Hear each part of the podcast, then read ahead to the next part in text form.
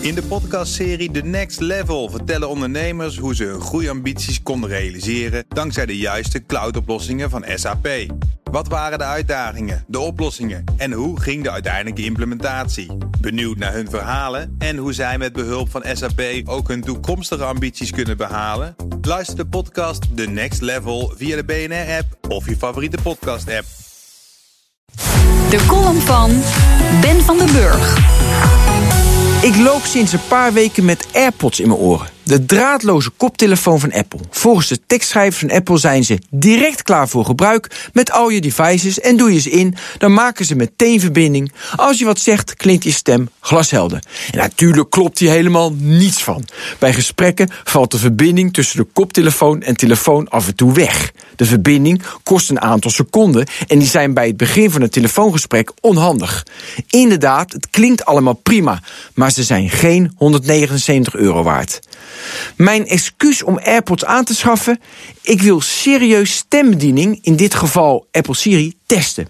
Je tikt twee keer op je koptelefoon en je zegt bel Pama. Vervolgens worden je ouders gebeld. Tijdens het luisteren van Spotify gebruik ik regelmatig het commando volgend nummer. Het volume bedienen met Siri werkt niet goed. Hij weet de juiste volumehoogte niet te vinden. Het blijft kampen met beta-achtige kinderziektes, wat ik overigens geen probleem vind. De hype die rond stembesturing wordt gecreëerd is vervolgens wel een probleem. Afgelopen week maakte de Amerikaanse Consumentenorganisatie voor Technologie bekend dat 2017 het jaar gaat worden van de met stem gestuurde computers. Uit het FD. De kwaliteit verbetert zo snel dat mensen ze echt gaan vertrouwen en de waarde ervan inzien. 2017 dus, stemgestuurde computers. Ze geven in het FD de standaard voorbeelden als de Echo van Amazon en Siri van Apple. Wie echter beide apparaten test, komt tot de conclusie dat Echo helemaal niet kan helpen met huiswerk maken, concertkaartjes kan bestellen en je favoriete muziek kan afspelen. Voordat je die activiteiten voor elkaar hebt, zijn er voor de meesten onder ons sneller alternatieven voorhanden om dat doel te bereiken. Zo zou 2016 het jaar worden van de chatbots. Facebook, Google en Amazon kondigden platforms aan waarop ontwikkelaars los konden gaan. Vele goede initiatieven zagen daglicht. Ik denk aan de KLM, waarop je je reisinformatie in de Facebook Messenger kunt krijgen, of de klantenservice conversaties zoals bij Vodafone.